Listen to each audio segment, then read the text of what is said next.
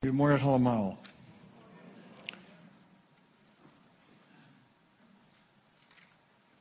Miel heeft het al gezegd. Je kunt aan het eind van deze dag naar huis gaan en een heleboel meer weten dan je wist voor die tijd. Maar als het niet diep in je hart neerdaalt en het wordt niet je leven, is het een dag geweest waar ze in de hemel niet zo blij mee zijn. Daarom is het ons grote verlangen dat er vandaag echt wat gebeurt in ons hart. Dat God wat met ons kan doen. Ik vind dat wij in een buitengewoon ernstige tijd voor christenen leven. Ik ga er niet op in, maar deze tijd is ernstig. En het wordt er niet makkelijker op. En daarom is ons verlangen dat vandaag een dag is waar ze in de hemel blij mee zijn. Waardoor God geëerd wordt, waardoor het koninkrijk van God dichterbij komt. En uh, daarom zou ik u willen voorstellen om um, een ogenblik stil te zijn. Ik moet denken aan de Emmausgangers, die lopen daar samen op weg van Jeruzalem naar Emmaus en ze hebben het over de Heer Jezus, maar ze blijven er somber onder doet in hun hart niks. Totdat hij erbij komt. En mee gaat wandelen. En dan staat er, werd ons hart niet brandende in ons? Toen hij de schriften uitlegde en ons diepe verlangen is dat hij erbij is vandaag. Want dat maakt het verschil. Zijn aanwezigheid. En dat doet iets in ons ja, wat hij alleen maar kan. Wat geen enkele spreker kan, wat niemand kan. Wat hij alleen maar kan. Daarom wil ik u voorstellen om een paar minuten stil te zijn. En dat u in die paar minuten aan hem bevraagt of hij erbij wil zijn. Zullen we dat doen?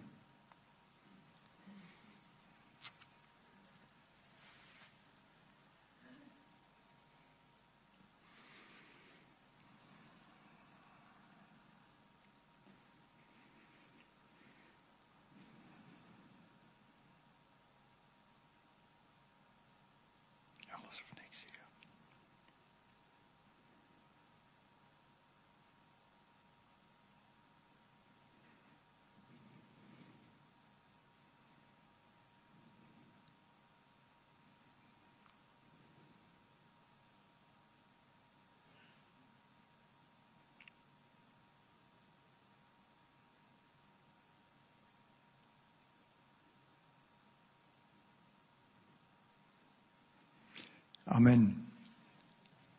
Wij mogen met elkaar nadenken vandaag over het overkoepelend thema wandelen met God.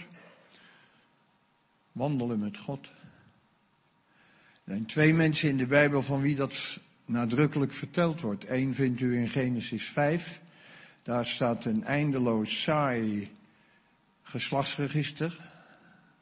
Hoe oud ze werden en hoeveel kinderen ze hadden en, en dat soort dingen. Niks aan.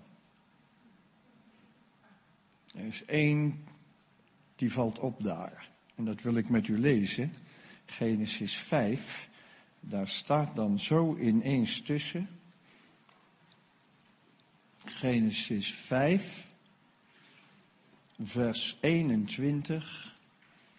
Toen Henoch, en daar heb je hem, 65 jaar geleefd had, verwekte hij Methuselah. En Henoch wandelde met God nadat hij Methuselah verwekt had, 300 jaar en hij verwekte zonen en dochteren. Zo waren al de dagen van Henoch 365 jaar en Henoch wandelde met God. En er was niet meer, want God had hem opgenomen. Dat is alles wat we weten van Henoch. En als u de geschiedenis ingaat als iemand die wandelde met God, bent u een buitengewoon gezegend mens. Al hebt u geen koffiebar opgezet, geen gemeente gesticht, geen... Als u wandelt met God, hebt u in de ogen van de Heere God gedaan datgene wat Hij zo dolgraag wil. En niemand van u kan zeggen, dat kan ik niet. Niemand zal God, straks voor Gods troon kunnen zeggen, ja, dat was zo ingewikkeld. Drie woorden, wandelen met God. Toch? Niemand kan zich straks voor God verontschuldigen als hij niet met God gewandeld heeft. Is nog een, ja, het eerste en het grote gebod is eigenlijk nog simpeler. Want het eerste en het grote gebod is, gij zult de Heer uw God lief hebben. Geheel uw hart, geheel uw ziel, geheel uw verstand, geheel uw kracht. Gij zult de Heer uw God lief hebben. Wie van ons kan dat niet? Wie van ons zal later kunnen zeggen, ik vond het zo ingewikkeld, die Bijbel, al die moeilijke teksten die elkaar tegenspraken en ik kon er niks mee hoor. Dan denk ik dat God zal zeggen, ik heb je maar één gebod gegeven. Veel van me houden. Gij zult de Heer uw God liefhebben met geheel uw hart. Simpeler kan God het toch niet maken? En, en, ja, in alle liefde, maar daar wordt u op afgerekend. Die grote vraag, wat heb u met hem? Wat heb u met hem? Ik zal die, dat nog wel een paar keer zeggen vandaag, want mijn hart is daar vol van. Wat heb u nou met hem? En wat heeft hij met u? Wat hebben, in alle eerbied, wat hebben jullie met elkaar? En dat zit allemaal in die gedachte van wandelen met God. En daar gaan we vandaag over nadenken. Wandelen met God. Gewoon ook om een beetje de smaak te pakken te krijgen. Want wandelen met God is zo'n kostbare zaak. Als je dat leert. En je leert de smaak daarvan te pakken te krijgen. Wandelen met God. Kijk, wandelen met Maxima, dat zou al heel wat zijn, of niet? Of met wandelen met Willem-Alexander of zo, hè? Of met, met, met Clinton, of noem maar een heleboel van die grote namen op, dan, dan, dan moet de straat bij u, die moet dat weten. Ik heb vanmiddag gewandeld met... Toch? Maar het wonder is dat God u uitnodigt om met hem te wandelen. De schepper van hemel en aarde, die alles gemaakt heeft, de sterren, alles. Hij sprak en het was er. En hij zegt, zou jij soms met mij willen wandelen? Dat is toch adembenemend. En we zijn toch een beetje dolgedraaid als we dat niet doen. We hebben de, mensen zeggen wel eens in ons tijd, er is geen hel. Ik geloof dat er wel een hel is. Ik denk dat het kenmerk van de hel is dat je de verdere eeuwigheid spijt hebt van wat je hier op aarde niet gedaan hebt.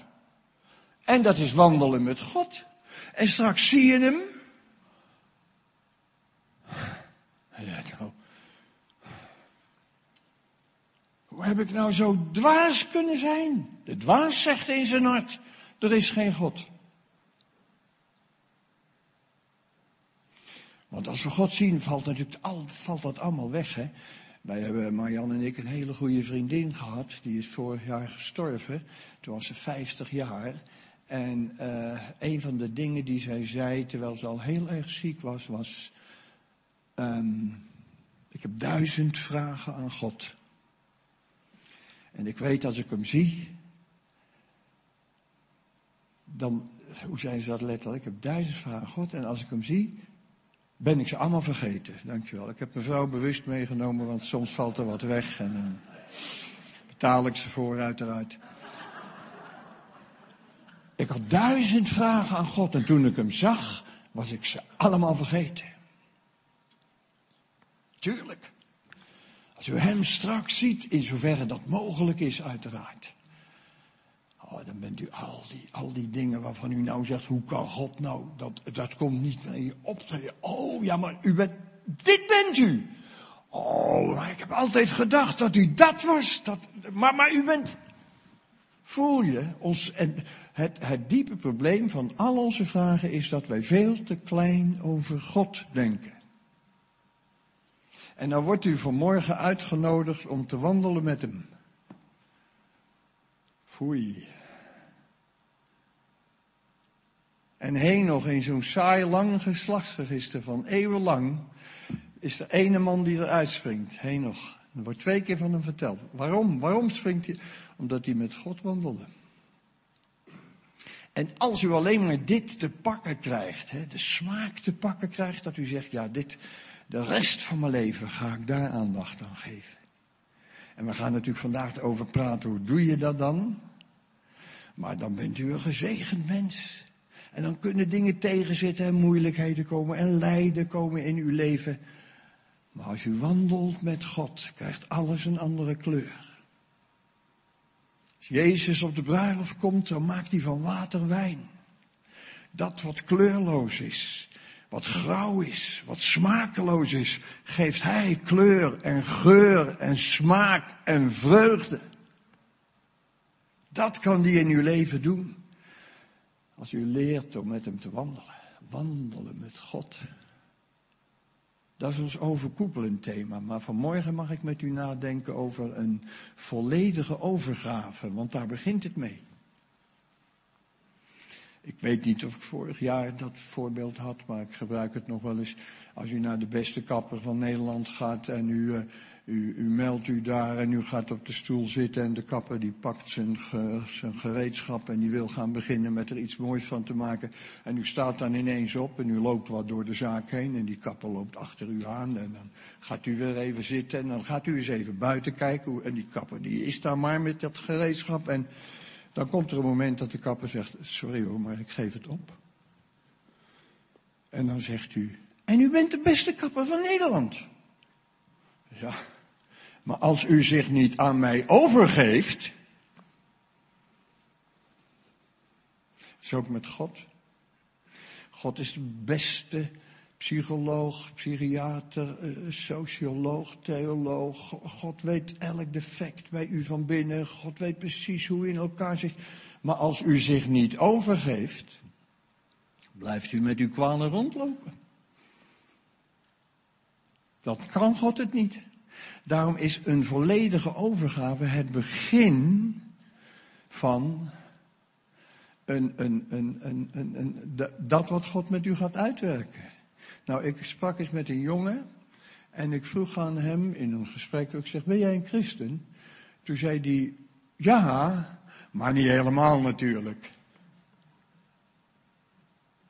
Dacht ik, hoe, hoe, hoe doe je dat? Hoe kan dat? Ik heb hier wel eens het voorbeeld gebruikt, herinner ik mij van die mijnwerkers in Chili. Hè, die moesten in die kooi stappen en dan werden ze naar boven gehesen. Nou, dan staat er eentje voor en die zegt, ga je gang, jij bent aan de beurt. Ja, ik wil wel instappen, maar niet helemaal natuurlijk. Nou, hoe moet dat dan? Voelt u? En, en, en, en er zijn denk ik een heleboel mensen die dat niet zo hardop zeggen, niet helemaal natuurlijk. Maar hun leven is dat wel, hè? Ja, niet helemaal natuurlijk. De Heer Jezus zegt, ik sta aan de deur en ik klop. En iemand uh, mijn stem hoort en de deur opent. Ik zal bij hem binnenkomen.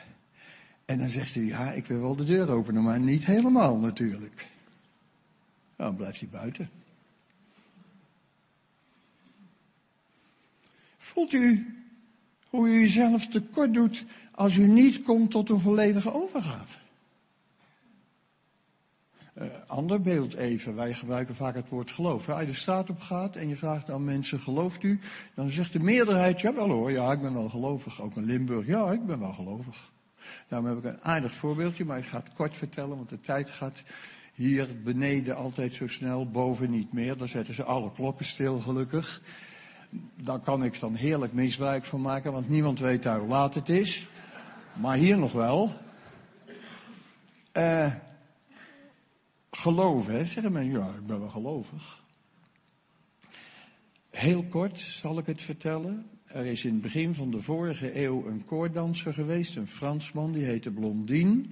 Die liet een kabel spannen, dus echt geschiedenis, over de Niagara-watervallen en ging over die kabel van de ene rots naar de andere rots. Dat is wereldkundig gemaakt, waren duizenden mensen geweldig enthousiast. Nou ga ik fantaseren. Wat ik nu vertel is niet gebeurd, maar het is om u te helpen met een voorbeeld. Stel je nou eens voor, hij staat op die ene rots en hij roept naar de mensen met een megafoon, geloven jullie ook dat ik het kan? Met een kruiwagen. En mensen zijn heel enthousiast, ze hebben gezien hoe behendig het was. Ja, dat geloven we. Hij laat een kruiwagen komen die op die kabel past en hij gaat met de kruiwagen naar de andere kant. Haalt hij weer. Nou, de mensen zijn natuurlijk... Dan roept hij weer als het stil geworden is, geloven jullie ook dat ik het kan met zand in de kruiwagen? Ja, hoor weer dat zal dan ja, dat geloven wij, ja, dat geloven wij. Nou, hij laat zand in die kruiwagen scheppen, gaat met die kruiwagen de kabel op, komt weer aan de andere kant. Is daar, als het langzaam stil wordt vanwege het enthousiaste, roept hij weer naar beneden. Uh, gelooft u ook dat ik het kan met een mens in de kruiwagen? En, het wordt, en dan zegt hij op een gegeven moment, uh, meneer u die zo hard staat te schreeuwen, komt u eens naar boven en gaat u er eens in zitten. En dan zegt die man, ja, dag. Dat is het geloof van heel veel mensen.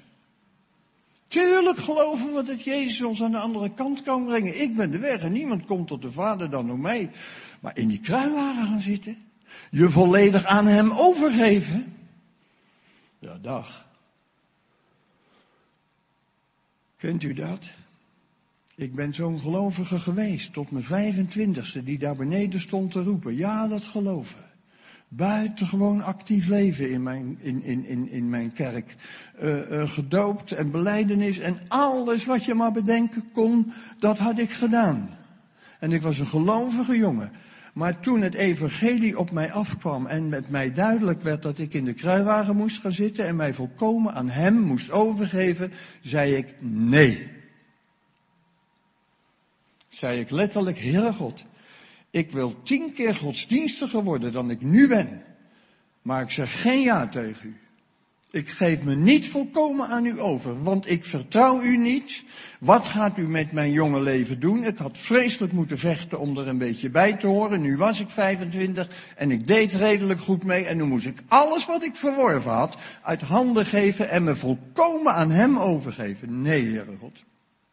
Ik moest mijn zelfbeschikkingsrecht in zijn handen leggen. Nee, Heere God. Mijn autonomie. Ik moest van de troon af en hij op de troon van mijn hart. Nee, Heere God. Zeg maar wat ik moet doen op godsdienstig gebied. Maar ik geef me niet volledig aan u over. Een volledige overgave is wat we straks zien op, in eind april. Dan stapt koningin Beatrix van de troon af en Willem-Alexander gaat erop zitten. Dat is een troonsverwisseling. En een volkomen overgave betekent een troonsverwisseling in uw hart. Tot hiertoe heb u zelf de dienst uitgemaakt. En dan gaat hij de dienst uitmaken. Dat is een volkomen overgave.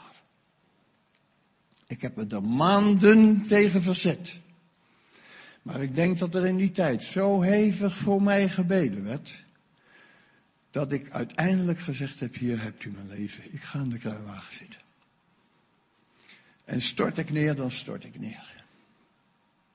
Ik vind het doodeng om ja tegen u te zeggen, want ik, ik vertrouw u niet. Ik ben echt bang dat u daar misbruik van gaat maken. Jonge vent, u kunt me allerlei dingen laten doen waar ik helemaal geen zin in heb.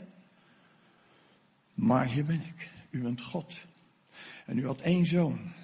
En u hebt die ene zoon de dood ingejaagd voor mij. Dan moet u een goede God zijn. Dat hielp mij over de streep. En toen heb ik ja gezegd. En ik denk dat ik mag zeggen door Gods genade dat mijn bekering een volkomen overgave geweest is. Omdat God dat in me bewerkte. Het is nooit zoiets geweest van ja, maar niet helemaal natuurlijk. Nooit zoiets geweest van, ja, ik geef mijn leven aan u, maar dan moet u wel. Nooit is dat er geweest. Ik heb echt kunnen zeggen door Gods genade, hier ben ik, heren. Nou u.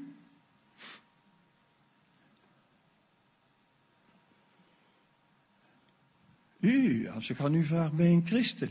Misschien zegt u in uw hart wel, ja, maar niet helemaal natuurlijk. Ik heb de deur wel op een kier gezet, maar niet helemaal natuurlijk. Ik heb wel gekeken naar die kruiwagen en eraan gevoeld en gedacht, ja, maar nee. Ik regel het liever zelf, denkt u. Wat gaat God met mijn leven doen als ik het, als ik het uit handen geef, mijn zelfbeschikkingsrecht? Ja, dan, dan, dan doet u uzelf Heel veel te kort. Want u komt bij die kapper vandaan met een kapsel wat er niet uitziet. En u komt straks voor Gods aangezicht en u ziet er niet uit.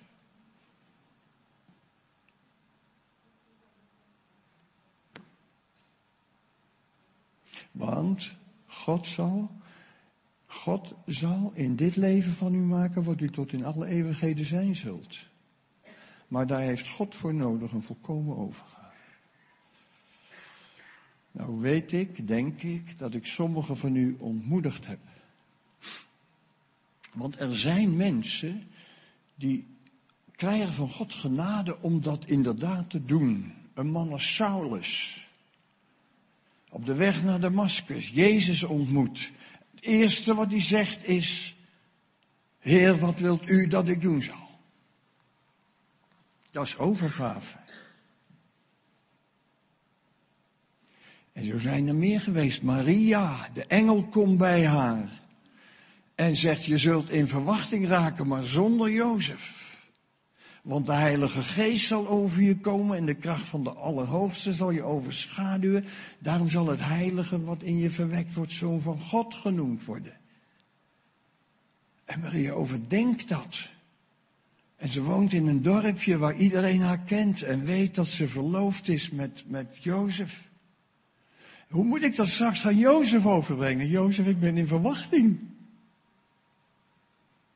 En Jozef wist dat is niet van mij.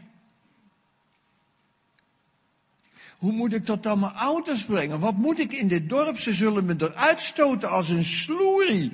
In die tijd werden vrouwen gestenigd. Als dit ze overkwam.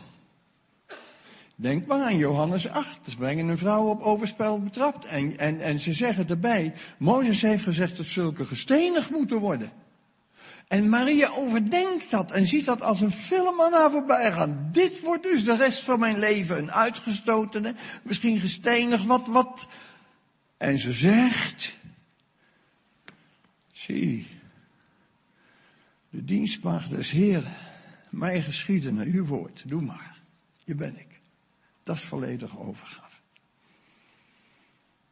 En die mensen zijn er in de Bijbel die eigenlijk vanaf het beginpunt zo ver kwamen. En als een boodschap, een evangelie boodschap goed op je overkomt, ga je beseffen dat God alleen zijn doel kan bereiken na een volledige overgave. En gaat God je ook de bereidheid geven om dat te willen.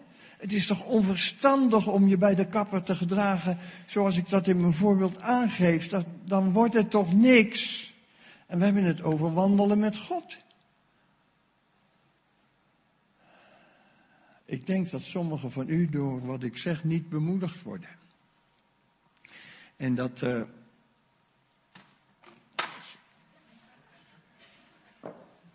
dat ben ik me bewust geweest toen ik me hierop voorbereidde. En ik wil graag eerlijk zijn, vanuit de Bijbel eerlijk zijn. Er zijn in de Bijbel ook een hoop mensen te vinden die er bijna hun leven lang over gedaan hebben om zich aan God over te geven.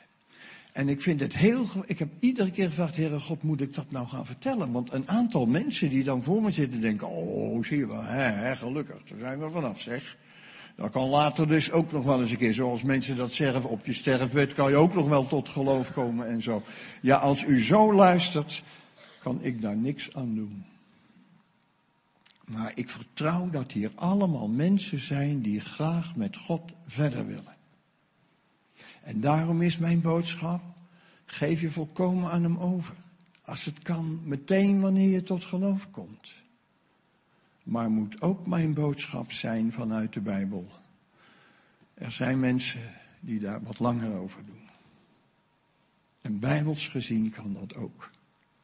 En ik wil u vanmorgen meenemen naar het leven van Jacob. U weet, God is de God van Abraham, Isaac en Jacob. En Abraham is eigenlijk de man van de volkomen overgave, meteen in het begin al. Abraham, ga uit je land, uit je familie, uit je... En Abraham ging. Het allergrootste in het leven van Abraham, Abraham, neem je zoon, je enige die je lief hebt en offer hem aan mij. En Abraham ging. Maar God is niet alleen de God van Abraham. God is de God van Abraham, Isaac en Jacob. En ik wil het vanmorgen over Jacob hebben. En het verblijdt mij dat God de moed heeft om met een man als Jacob te beginnen en het af te maken. Want Jacob was niet geschikt voor het evangelie. Vind ik. God dacht daar gelukkig anders over. En God begon met Jacob. En ik wil met u een aantal teksten uit de Bijbel lezen die daar eh, allerlei dingen over Jacob vertellen. Nogmaals, niet als een excuus om u niet aan God te moeten overgeven, maar om ook te laten zien wat Jacob toch verspeelde doordat het allemaal zo moeizaam ging. Het had anders gekund, denk ik. Ik ga met u lezen eerst hun geboorte. En als u een Bijbel bij u hebt, vind ik het heerlijk als u meeleest. Genesis 25. Daar is Isaac. Die is getrouwd met uh, Rebecca. En ze zijn al twintig jaar getrouwd en hebben nog geen kinderen. En dan lees je in hoofdstuk 25, vers 21. Nu bad Isaac de Heere voor zijn vrouw, want ze was onvruchtbaar. En de Heere liet zich door hem verbidden. En zijn vrouw Rebecca werd zwanger. Mooie vent, hè? Mooie man, hè? Isaac. Vind u niet? Het zo mooi, hè? Die man, ze, hij gaat met zijn nood naar de Heere God. Een goed echtpaar geweest. Ze zijn althans geweldig goed begonnen met elkaar. Maar ook de Bijbel toont ons dat een goed begin wel het halve werk is, maar niet het hele werk. Hun huwelijk was niet zo geweldig aan het eind van de rit, maar hier is het nog heel mooi. Um, en dan staat er verder, nu bad Isaac de Heer voor zijn vrouw, want ze was onvruchtbaar en de Heer liet zich door hem verbidden. En zijn vrouw, Rebecca, werd zwanger. En de kinderen stieten in haar binnenste tegen elkaar. Toen zeiden zij, indien het aldus gesteld is, waarom overkomt mij dat? Daarop ging zij om de Heere te vragen. Ken u dat? Ik laat het rusten nu, maar misschien dat ik het vanmiddag nog even oppak. Wandelen met God betekent dat je met je vragen soms naar Miel kan gaan of naar Peter of naar een heleboel anderen die je daarbij kunnen helpen. Maar veel beter is als u leert om met uw vraag rechtstreeks naar God te gaan. De vreugde daarvan is zo groot. Wandelen met God betekent dat u tijdens die wandeling zegt, net als zij, Heere God, wat is er aan de hand van binnen? Het is zo rumoerig en ik, kunt u mij zeggen wat er aan de hand is? God kan alles zeggen. En je hoort geen stemmen, ik niet althans. Maar ik heb heel vaak meegemaakt dat ik met mijn vraag bij God kwam en zei, Heere God, ik zit hiermee. En dan moet je het verhaal vertellen. Dat is ook zoiets. Uh, pas sprak ik over Eliezer, die knecht van Abraham. Die gaat op weg om een zoon, om een vrouw te zoeken voor Isaac. Dat wordt dan Rebecca. Hè? En dan is hij op, op weg gegaan en dan komt hij daar en dan bidt hij en dan zegt hij, Heere, God van mijn Heer Abraham, ik sta hier bij de waterput. Leuk is dat, hè? alsof ze dat boven niet wisten dat hij bij de waterput stond. En sommige mensen denken, ja, ik hoef mijn vragen niet te stellen, want boven weten ze dat. Jawel, tuurlijk, boven weten ze alles. Maar u komt niet tot een gesprek als u de vraag niet stelt. Dat is net zo goed als beleiden van zonde. Hè? Mensen, er zijn mensen die zeggen aan het eind van de dag, Heer, wilt u mij al mijn zonden vergeven die ik vandaag gedaan heb? Ik denk dat dat niet hoger komt dan dit plafond. U moet zeggen wat u verkeerd gedaan hebt. Heer, ik sta hier bij de waterput. Ja, dat weten we, maar we zijn wel, vinden wel, stel het op prijs dat je dat zegt. En je zonde moet je benoemen. Het woord zonde komt niet over. Het is vreselijk makkelijk. Heer, vergeet me al mijn zonden die ik vandaag gedaan heb. Ja, dat, zo werkt het niet.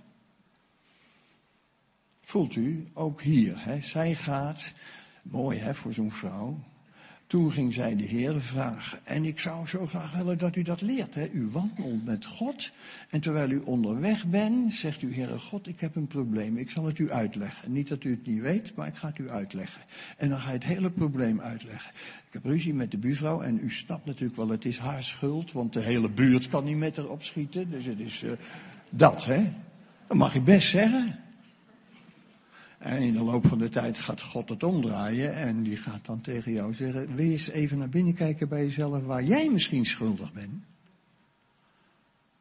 Dat zijn van die processen die zo kostbaar zijn in onze wandel met God.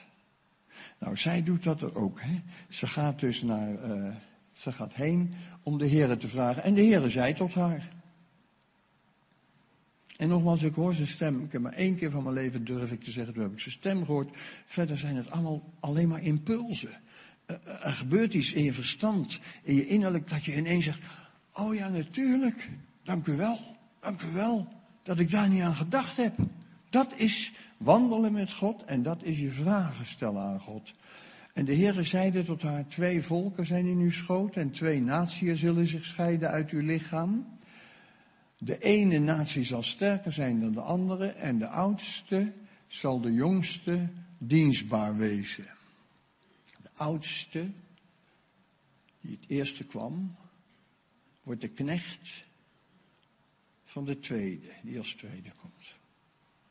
Nou, eh, alleen hierover zou ik al heel lang met u willen praten, want de Bijbel is zo fantastisch. Ik hoop dat u gek bent op de Bijbel, moet ik even zeggen, verder zeg ik er niks over. Maar de Bijbel is zo'n dramatisch boek, met zulke spannende verhalen daarin. Nou, hier ook. Als ik u vraag, wat denkt u dat Rebecca gedaan heeft nadat God haar dat verteld had? Wat antwoordt u dan? Ja, dat heb je overal. Hè. Nooit geeft iemand een antwoord, want die denkt het zou wel fout wezen wat ik zeg.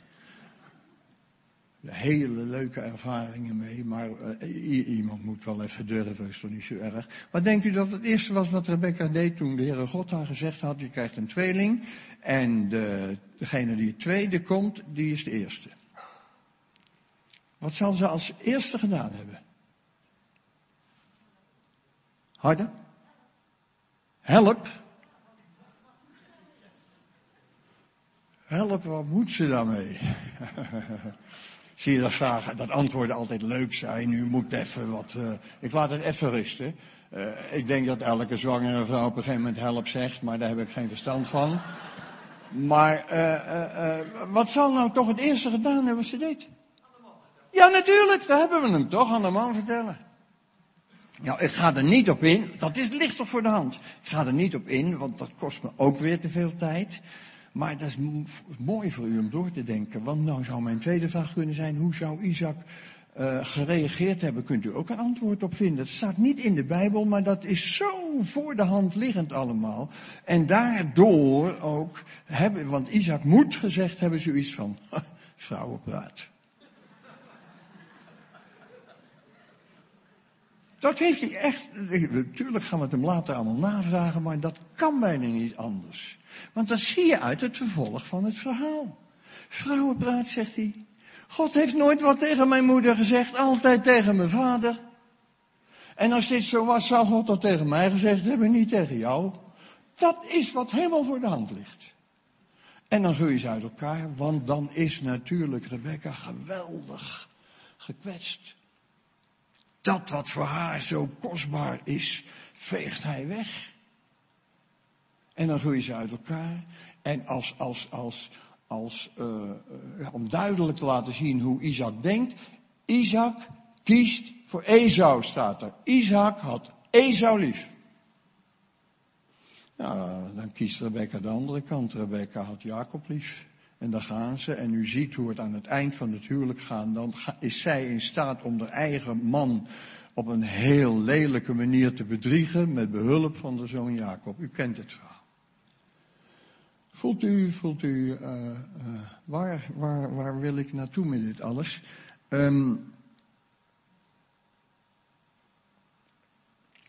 nadat zij dat natuurlijk aan de man verteld heeft, dat verkeerd uitpakken, is het natuurlijk een tijd gekomen dat ze dat aan de zoon vertelt. Jacob, je bent nou groot genoeg om het te horen. Kom eens hier. Ik moet je wel vertellen, toen ik in verwachting was en jullie, jullie zouden komen, Esau en jij, toen uh, wist ik niet wat er gebeurde. Ben ik bij, uh, heb ik het aan God gevraagd. En God heeft mij gezegd, het wordt een tweeling. En de oudste, die wordt de knecht van de jongste. Jij bent de jongste, dat weet je, hè? want dat heb ik je ook wel eens verteld. Jij hield de hiel van je broer vast toen hij als eerste naar buiten ging en daar, had je, daar kon je niet mee leven. Dus je, kent u dat? U bent aan het zwemmen in een zwembad of waar dan ook en daar zwemt iemand voor. U moet het wel iemand zijn die u kent, anders krijg u ruzie. Maar er zwemt iemand voor je en je wil hem inhalen en het lukt je niet. Dan pak je die hielbeet en je trekt hem naar achteren. Dan ben jij de eerste. Nou, dat is het karakter van Jacob. Volkomen overgave bij Jacob. Jacob is bij uitstek de man die alles zelf regelt. Vanaf zijn geboorte af. En je zou op je plek, jongen, achter mij. Dat weet hij natuurlijk niet als baby.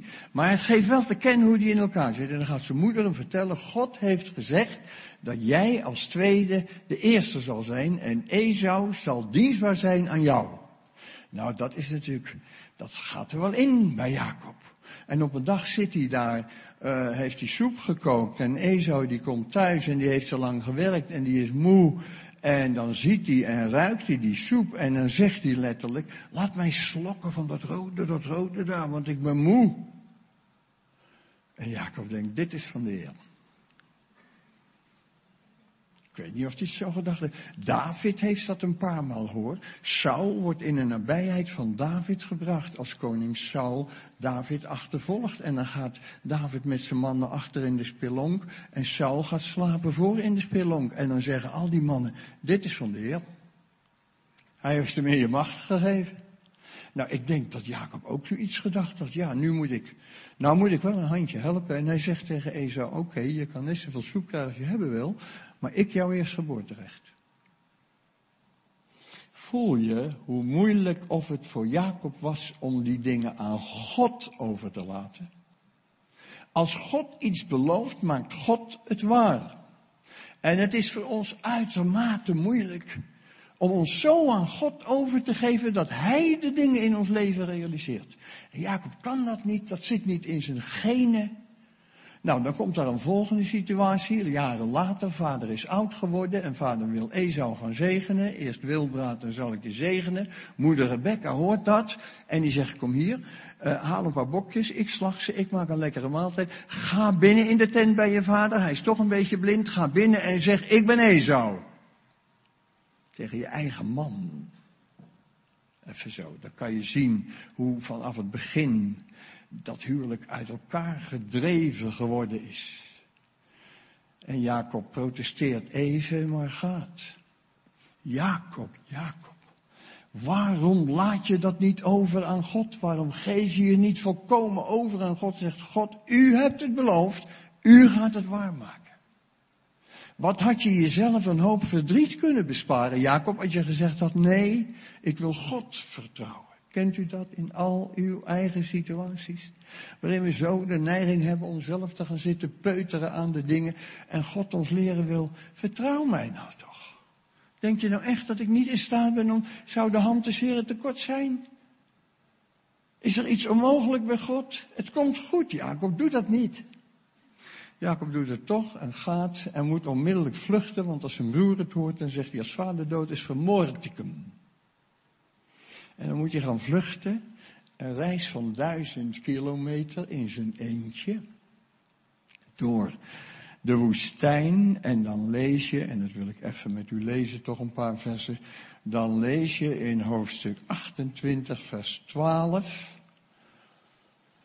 Toen droomde Jacob en zie op de aarde was een ladder opgericht waarvan de top tot in de hemel reikte. Zie je nou Jacob jongen, de hemel is er ook nog hoor, jij met je geknoei. En zie, engelen gods klommen daar langs op en daalden daar langs neer. En zie, de Heere stond bovenaan en zeide, ik ben de Heere. De God van uw vader Abraham en de God van Isaac.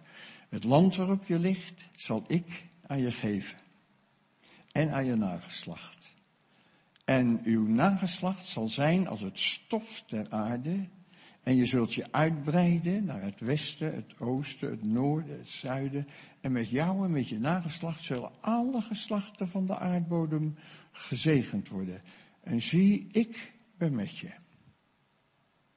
En ik zal je behoeden, overal waar je gaat.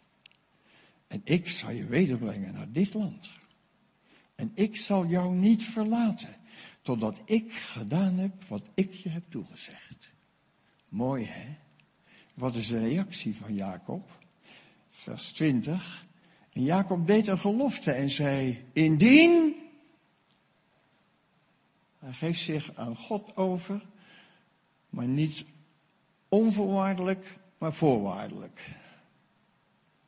Het is goed, heren. Ik ben blij dat u komt. En ik ben ook blij. Ik vind dit fantastisch wat ik hier heb meegemaakt in Wettal. En ik wil graag een afspraak met u maken, maar wel op voorwaarden. Daar gaan we, heren. God, vijf keer achter elkaar. Indien God met mij zal zijn. En mij behoeden zal op deze weg die ik ga. Mij zal geven brood om te eten, kleren om aan te trekken. En ik behouden tot mijn vaders huis wederkeer. Dan zal de Heer mij tot de God zijn. Dat noemen we een overgave onder voorwaarden. Jacob heeft zijn eigen voorwaarden. Kent u dat in uw leven? Zoals jonge mensen kunnen zeggen, Heer, ik wil me helemaal aan u geven, maar ik wil wel trouwen. Ja. Dat weet je niet als je je helemaal aan de Heere God geeft. Ik ben het meest gezegend door Corrie ten Boom, die niet getrouwd was en honderdduizenden kinderen had. God weet toch wat hij doet? Paulus, de vrijgezel Paulus zegt, ik wou dat alle mensen waren zoals ik. Ik heb mijn handen, hij zegt die getrouwde mensen, die moeten eerst voor hun vrouw zorgen en, en, en voor de Heer. Maar ik heb mijn handen helemaal vrij, zegt Paulus, ik kan de Heer volkomen dienen. Ook daarin zit een geweldige zegen. Die we zo moeilijk zien. Dus jonge mensen zeggen, ik wil, Heer, ik wil me helemaal aan u geven, maar ik wil wel trouwen. Of ik wil me helemaal aan u geven, maar u moet niet aankomen dat ik in de zending moet, want dat ligt mij niet. Dat doet Jacob, Heer, indien u in, vijf keer, dan zult u mijn God zijn. Hij gaat nog een stap, stap verder. Dan maken we een deal, Heere God, met elkaar. Want dan zegt hij, uh, en van alles wat u me schenken zult, zal ik u stip de tiende geven. U krijgt 10%. Zullen we dat afspreken, Heere God? Als u me nou zegent met brood en kleren en u brengt me terug en eh, 10% voor u, hè? dat staat vast. Ja, dat, de Heere God moet wat over zich heen laten komen. Want als u God geweest was, had u al lang met hem afgerekend. Maar joh, zoek het uit. Dan heb ik je dit allemaal aangeboden, moet je kijken, dan kom, kom je daarmee, krijg ik 10%. Maar ik wil je helemaal 100%. Geen 10%. Misschien denkt u dat ook wel. Ja, misschien heb ik wel 10% aan de Heer gegeven en 90% zelf gehouden. Ja, dat is geen overgave. Dat is geen gehele overgave. En ik hoop zo, hè dat God u verder helpt. Want Jacob komt goed in de knoei hoor. Twintig jaar lang, dan komt hij daar bij zijn oom. Daar ziet hij een ontzettende leuke dochter. Daar is hij meteen gek van, Rachel. En zijn oom is ook niet gek. Die zegt, je kan ze krijgen, maar dan moet je wel zeven jaar voor de werken. En daar gaat hij dan. En op het moment dat daar de bruidsweek is en hij denkt dat hij naast Rachel ligt, ligt hij naast haar zuster met die fletse ogen, Lea. En voelt Jacob voor de eerste keer van zijn leven wat het is om bedrogen te worden. Net als die Esau bedrogen heeft en zijn vader bedrogen heeft. Hij krijgt een koekje van eigen deeg, want die lessen moet hij leren. Dan is hij twintig jaar, ruim twintig jaar bij zijn schoonvader en dan gaat hij weg, ook naar ruzie, hij vlucht. En dan komt er een situatie waarin je min of meer kunt zeggen dat hij eindelijk tot een volkomen overgave komt in zijn leven. Dat leest u in hoofdstuk 32. Hij gaat dus weg bij zijn schoonvader, maar hij weet nu ga ik terug naar het land waar ik van kom, het beloofde land, maar daar woont mijn toekomende moordenaar, Esau, die gezworen heeft, als vader dood is, vermoord ik je. En nou komt Jacob voor de eerste keer van zijn leven in een situatie die hij niet zelf handelen kan.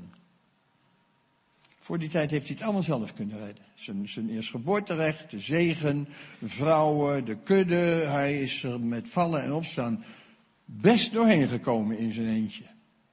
Maar nu komt hij in een situatie, en hij, ik ben daar twee jaar geleden geweest, heeft op mij grote indruk gemaakt. Dan komt hij daar bij dat zijbeekje, de Jabok, dat is een heel diep ravijn bijna. Dan moet hij afdalen en dan moet hij door dat beekje heen met alles wat hij bij zich heeft. En dan moet hij daar aan de andere kant weer naar boven klimmen. En hij weet, als ik dat eenmaal gedaan heb, ben ik volkomen onbeschermd. Als Eva op me afkomt. En dan lezen wij dit dan voelt hij aan dat hij God nodig heeft, omdat hij hier niet uitkomt. En dan staat er in vers 22 van hoofdstuk 32, toen stond Jacob in die nacht op, nam zijn beide vrouwen, zijn beide slavinnen, zijn elf zonen en trok de doorwaadbare plaats van de Jabok over. Hij nam hen en deed hen de beek overtrekken en hij bracht alles wat hij had naar de overzijde. Kent u dat? Dat hoort bij een overgave. Hè? De Heer Jezus zegt, zo zal dan niemand van u die niet afstand doet van alles wat hij heeft, mijn discipel kunnen zijn. Is alles wat u hebt van hem? Hij is niet zo gierig hoor. Hij moet echt niet denken, nee, God weet, God weet dat u eten en drinken moet en een leuk huis moet hebben en een auto om mee te rijden. Allemaal niks van hand. Uw vader weet, zegt de Heer Jezus, dat je dat allemaal nodig hebt. Maar durven we het aan? Kijk, even er tussendoor, van mezelf weer. Ik denk dat ik bij mijn bekering, ik kom er nog misschien even op terug, wel alles in Gods handen heb gelegd. Met beven en vrees. Ik dacht, nou ben ik alles kwijt. En ik wil als getuigenis het toch wel even gezegd hebben. Wat heeft God mij verwend? Als u nog denkt dat u er slechter van wordt, door alles in Gods handen te leggen, dan wil ik u tegenspreken. Wat heeft God mij verwend?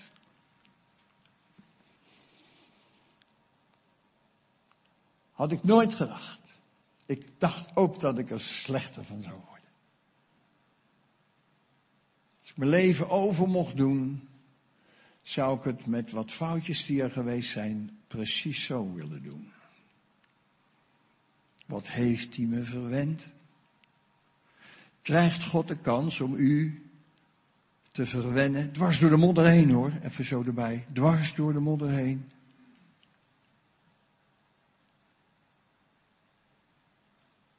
Wat missen we veel als we niet komen tot een volkomen overgave. En Jacob brengt alles wat hij heeft naar de overkant. Zo bleef Jacob alleen achter. Ja, want het moeilijkste om aan God over te geven, dat ben je zelf. Alles wat je hebt aan God overgeven is al heel wat hoor. Maar nou jijzelf. Zodat je niet meer de baas bent. Zodat God het gaat bepalen. Nou jijzelf. En Jacob bleef alleen achter. En hij wist alles naar de overkant. Maar, maar, maar, dat kan hij niet. Dat zit er niet in bij Jacob die de hiele lichter was, die het allemaal zelf regelde. Dat kan die niet. En dan staat er hier dat schitterende gedeelte. Zo bleef Jacob alleen achter en een man, en later zegt hij, dat zegt de Bijbel, gij hebt gestreden met God. En hij zegt zelf, ik heb God gezien, dus die man is een verschijning van God zelf, zoals God aan Abraham verscheen, drie mannen, waarvan God er één was en de twee engelen. En je dat vaker in de Bijbel leest, ook hier is daar die wonderlijke figuur van een mens die God is. Net zo goed als dat Jezus kwam als een mens die God was. Mooie dingen hoor. Maar dat laten we nu rusten. En hier, en een man worstelde met hem tot de dag aanbrak. Toen deze zag, toen die man zag dat hij het van Jacob niet kon winnen, dat hij hem niet overmocht. Want Jacob kon niet verliezen. Ook hier niet. Jacob was de winnaar, altijd. Hij kon niet verliezen, dat kon hij niet. Dat zat, dat zat er niet in bij hem. En toen die man zag dat hij het niet over mocht, sloeg hij Jacob op zijn heupgewricht, zodat zijn heupgewricht ontwricht werd, terwijl hij met hem worstelde. Hij maakte hem invalide. De engel, God zelf, zag, hier is een man die niet kan verliezen, maar wel wil. God, neem mijn leven. Ik, ik, ik, ik wil dat u de baas bent. Maar, laat me niet gaan, heer. Ik laat u niet gaan tenzij u me zegent. En dan slaat die man hem op zijn heupgewricht. En dan is de stoere macho, Jacob, ineens een gehandicapte. Die door zijn rug gaat, die door zijn benen gaat, die die man vast moet grijpen, die aan hem hangt omdat hij niet meer bijna op eigen benen kan staan. En dat is wat God wil. God wil u maken van iemand die op eigen benen kan staan tot iemand die aan hem hangt. Die afhankelijk is van hem. Dat is volkomen overgave. Oh, we kunnen zoveel, ook in onze godsdienst. We kunnen zo vreselijk veel. Maar God is niet gediend van die mensen die zoveel voor hem kunnen. God zoekt naar mensen die aan hem hangen, zodat hij door u heen de dingen doen kan. Hij is de enige die zijn koninkrijk kan bouwen. En hij slaat hem op zijn heupgewricht. Wij hebben tegenwoordig de Partij voor de Dieren, dus je moet oppassen met wat je zegt. Maar het was vroeger de gewoonte bij herders, hè, die hadden een kudde achter zich. En dan gebeurde het wel dat een lammetje, die heb je, die kent u ook onder uw eigen kinderen, herkent u dat. Een lammetje, dat, dat bleef niet bij de herder, had voortdurend de neiging om in de achterhoede wat rond te snuffelen. Dat ken je, sommige kinderen hebben dat, dat weet u, hè, dat hoef ik u niet uit te leggen. Nou, zoek altijd de grens op, hoe ver kan ik gaan? Nou, dat, lammetje had dat ook, hè, die liep achteraan, maar die herder was daar bezorgd over, want die dacht, straks komt er een wild dier, en dan ben jij het slachtoffer. En iedere keer pakte hij dat lammetje en zei, hier moet je wezen, vlak bij de herder. Dan kun je mijn stem horen, dat is veilig, dat... Maar het lammetje deed het niet, ging iedere keer achterin lopen. Toen kwam er een dag, waarop de herder het lammetje pakte en hem zijn poot brak. Wat kunnen wij niet zeggen in onze tijd van de, de Partij van de Dieren. Maar die tijd was anders. En God, die herder brak het pootje van het lammetje, zoals hier de man Gods Jacob slaat op zijn heupgevlecht, zodat hij mank is voor de rest van zijn leven. God geeft ons soms zo'n slag. Waarom doet die herder dat? Omdat dat lammetje kon vanaf dat moment niet meer lopen, kon niet meer op eigen benen staan. En dan neemt die herder dat lammetje en draagt dat een week of zes. En dan is dat lammetje in die zes weken zo gehecht geraakt aan die herder die hem zes weken gedragen heeft, dat hij het niet meer in zijn hoofd haalt om achterin te gaan lopen. Vlak bij de herder, waar de herder is wil ik zijn. Wandelen met God. En God staat soms toe dat u geslagen wordt, opdat hij u dragen kan. En u zo aan hem gehecht raakt, dat u niet meer achteraan wil lopen, maar vlak bij hem wil zijn. Dat is wandelen met God. Oh, die herder is zo fantastisch. Die weet zo goed wat hij doet. Ook als u klappen krijgt in uw leven. Hij weet zo goed wat hij doet. En hem vertrouwen erin. En Jacob wordt daar dan geslagen. Terug naar Jacob. En dan staat er, hij sloeg hem op zijn heup gewricht, zodat Jacob, uh, terwijl hij met hem worstelde, toen zei hij, laat mij gaan, zegt dan die man, die man gods, want de dageraad is gekomen. Maar Jacob zei, ik laat u niet gaan. Tenzij gij mij zegent. Ben je zo gekomen vandaag, lieve mensen, naar deze dag? Ik laat u niet gaan, tenzij gij mij zegent. Ik heb het zo nodig, Heer God. U mag me ook slaan. Als u denkt dat dat helpt.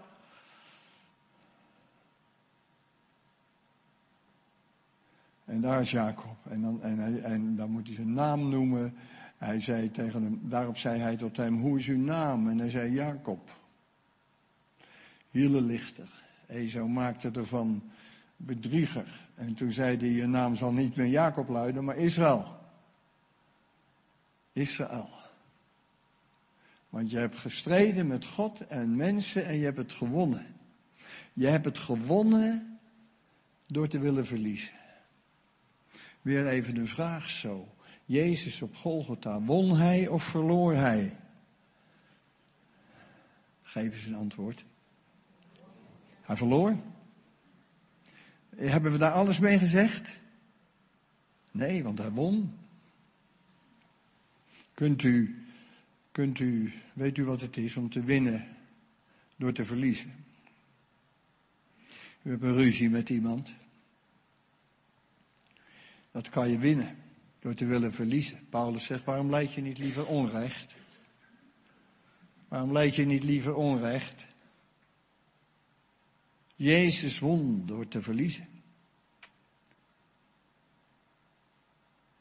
Dat is God. Dat is God in ons. Hij kan ons de kracht geven om te winnen. Door te willen verliezen. En Jacob verloor. En ik lees nog even die versen uit. Uh, en hij zegt, um, uh, Israël zul je heten. Nu, nu is de tijd om, Miel, geloof ik. Hè? Ik, heb, ik heb er niet zo goed op gelet. Kwart over elf. De tijd is om, ja, dan ga ik hier stoppen. Geweldig tegen mijn zin, want het is zo mooi. Maar misschien komen we er vanmiddag nog wel even aan toe om Jacob even af te maken. Of bij de, ik weet het niet. Het is, Jacob is zo mooi, hè. Nou, ik even nog twee opmerkingen. Uh, want je hebt gestreden met God en mensen en je hebt het gewonnen. Daarop vroeg Jacob, zeg maar toch uw naam. Maar hij antwoordde, waarom vraag je toch naar mijn naam? En hij zegende hem daar. En Jacob noemde de plaats Pniel, want zei hij, ik heb God gezien van aangezicht tot aangezicht. En mijn leven is behouden gebleven. Wat een winst, hè, met die manke heup. En de zon ging over hem op. Toen hij door Pniel getrokken was. En hij ging mank aan zijn heup. De zon ging over hem op. Twee opmerkingen nog even over Jacob. Eén is deze. Toen in 1948 de staat, uh, de onafhankelijkheid uh, van Palestina. U kent dat wel, daar, daar in de Knesset uh, een grote vergadering onder leiding van Ben Gurion. En toen moest de Knesset beslissen welke naam of de staat zou krijgen. En toen kwamen er allerlei ideeën. Je weet hoe dat is met Joden. Elke Jood heeft zijn eigen idee. En ook hier. En op een gegeven moment slaat Ben Gurion met de hamer op de vergaderingstafel. En die zegt, Israël is de naam. Dat is deze man. Er gaat bijna geen dag voorbij of zijn naam staat in de krant.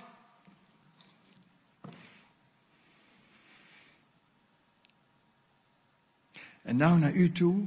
De Heer Jezus zegt, ze zullen komen van oost en west en noord en zuid en Limburg.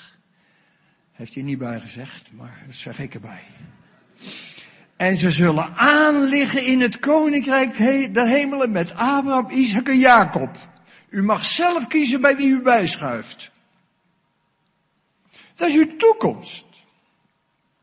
Ik weet niet wie ik kies. Och, we hebben de eeuwigheid voor ons, dus we kunnen met alle drie een lang gesprek hebben. Maar ik denk dat ik begin met Jacob. En ik heb hem al nooit gezien. Maar de Bijbel vertelt ons dat we meteen hem herkennen. Ha, Jacob. Mag ik, eh, heb je een plekje? Mag ik een tijdje? Ziet u dat voor u?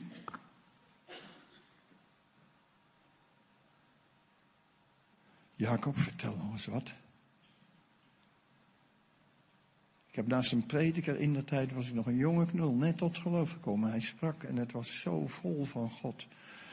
Toen gingen we eten en toen ging ik naast hem zitten. Toen zei ik, vertel nog eens wat. En toen zei hij, wat? Zei dat geeft niet, vertel nog eens wat. Dat zeg ik ook tegen Jacob, denk ik. Vertel nog eens wat. Nou, vertel, dan maar van, vertel maar van Pniel, toen je God zag van aangezicht tot aangezicht en toen de zon over je opging en toen je de rest van je leven mank was. Droomt u een beetje met mij mee van een volkomen overgave? Dit was zijn volkomen overgave. Hier ben ik, Heer. Sla me maar, doe maar, hier ben ik, Heer. volkomen overgave, zodat Hij met u doen kan wat Hij wil. Maak het wat wakker bij u, bij mij wel hoor. Oh, alleen dat al. Aanliggen in het koninkrijk der hemelen met Abraham, Isaac en Jacob. Zullen we een ogenblik stil zijn?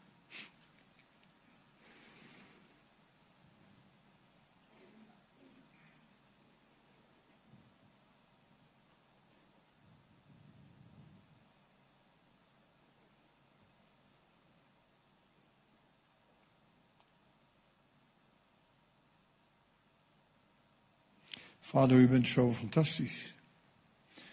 En uw zoon is zo grandioos. U, heiland, die als God mens werd, om ons te kunnen brengen tot uw Vader, zodat wij straks ze zullen komen van oost en west en noord en zuid en Limburg en Limburg, Heere God, voor uw aangezicht zeg ik het erbij. En we zullen mogen aanliggen in uw koninkrijk met Abraham, Isaac en Jacob. Wat een droom die werkelijkheid wordt. Dank u wel, dank u wel dat u dit wilt. Dit is wat u wilt. Wandelen met ieder van ons. Zodat we ons volkomen aan u overgeven.